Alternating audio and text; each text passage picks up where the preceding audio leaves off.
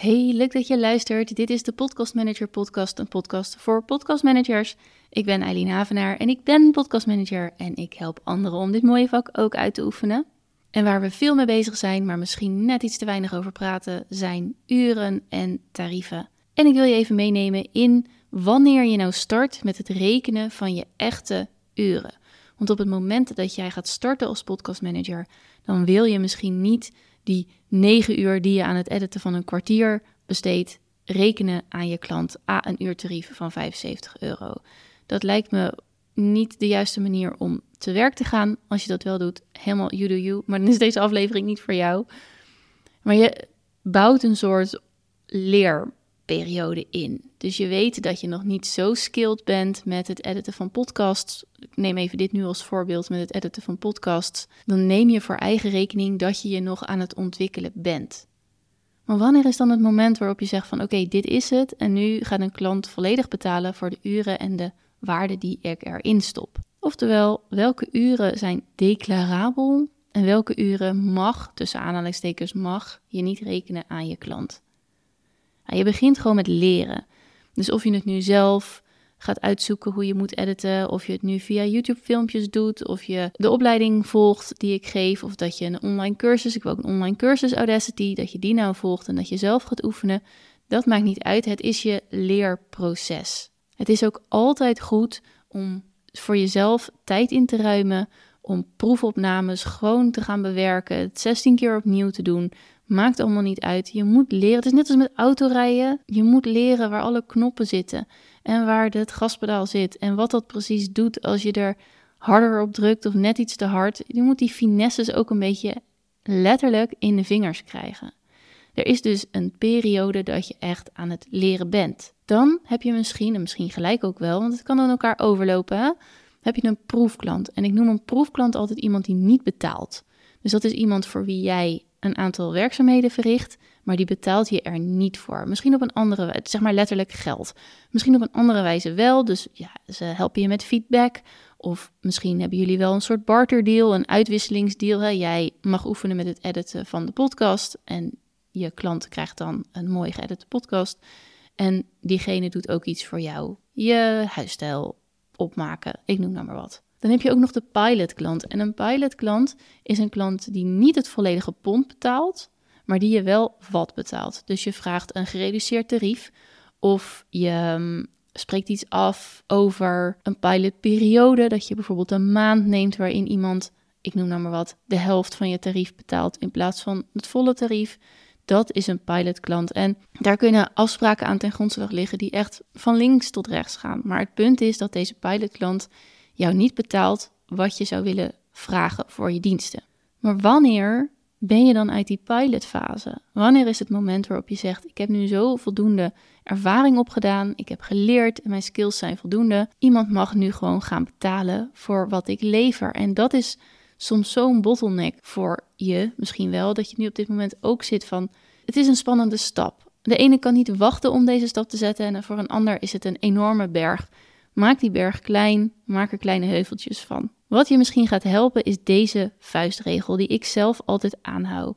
En dat is door schade en schande wijs geworden. Dat is ervaring van jaren podcasts editen. Mijn vuistregel, neem hem ook gerust over als hij past voor jou, is dat ik met het editen, en daarmee bedoel ik basic editen versie 2, en luister even aflevering 26 hierover als je exact wilt weten wat er in die edit gradatie dan precies valt. Ik ben met Basic Editen versie 2 drie keer zo lang bezig als de opname. Let op, dit gaat dus om de opname. Dus niet als er een aflevering is van 20 minuten, maar een opname van 35, dan pak ik dus die van 35 minuten. Want zo lang luister ik hem überhaupt sowieso door. En natuurlijk, als er iemand van tevoren iets tegen me zegt of dat ze even aan het opstarten zijn, die tel ik niet mee. Maar als je de ruwe opname van de inhoudelijke aflevering pakt, dat dan drie keer zo lang. Zo lang ben ik bezig met het editen, basic versie 2. En dat ben ik, hè? En ik doe dit al vijf jaar. Week in, week uit. Hou dat ook even in gedachten. En vervolgens kan je daar je uurtarief op loslaten. Dus stel, je klant levert een opname in van 30 minuten. dan reken je daar dus, 3 keer 30 minuten is anderhalf uur.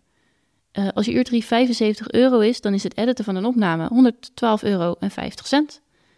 Voelt dit goed voor je? Kijk vooral wat voor jou past en wat niet. Want stel je hebt een uurtarief van 45 euro, maar je bent wel nog een stuk langer bezig.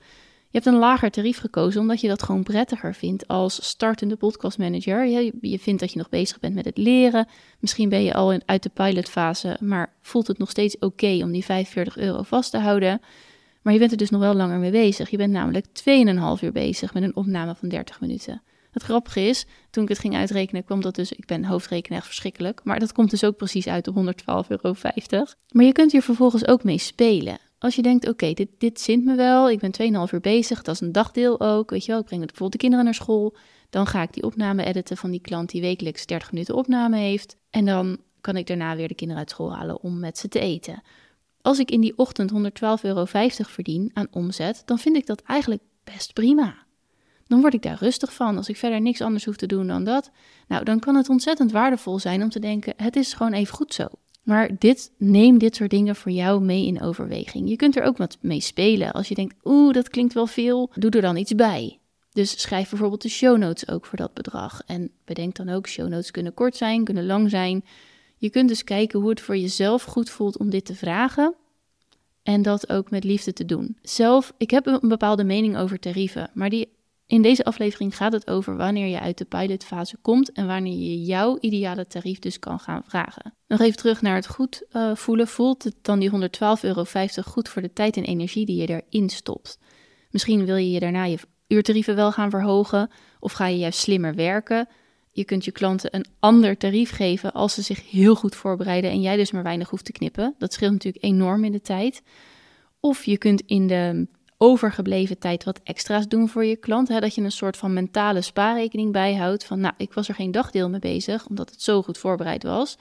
Maar ik was er gewoon veel korter mee bezig. En daardoor heb ik een uurtje extra uh, kunnen lezen en koffie kunnen drinken. voordat ik de kinderen weer uit school moest halen. Maar dat je dat als een soort mentale spaarrekening hebt. waardoor je denkt van, nou, daardoor kan ik gewoon af en toe ook wel eens wat extra's doen voor de klant. Of laat ik eens als verrassing uh, statistieken op gaan zetten. Een Excel-bestandje of een Google, Google Spreadsheet. met statistieken.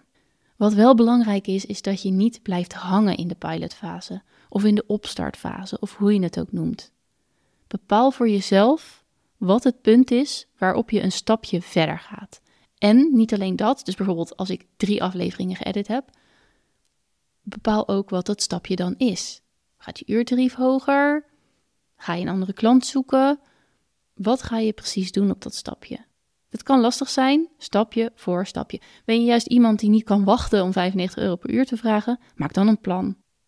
Wanneer ben je op het punt waar jij wilt zijn? En kom je angst of onzekerheid tegen, onderzoek die dan. Ontdek wat voor jou goed voelt.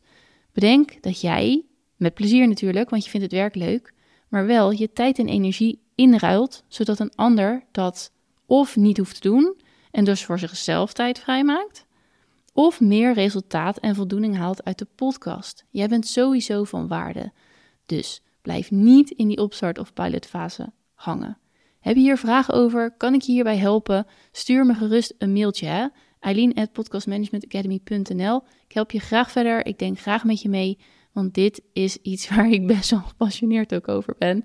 De tarieven die we als podcastmanager vragen zijn één op één van invloed op het leven dat jij graag wilt leiden. Dankjewel voor het luisteren en tot de volgende.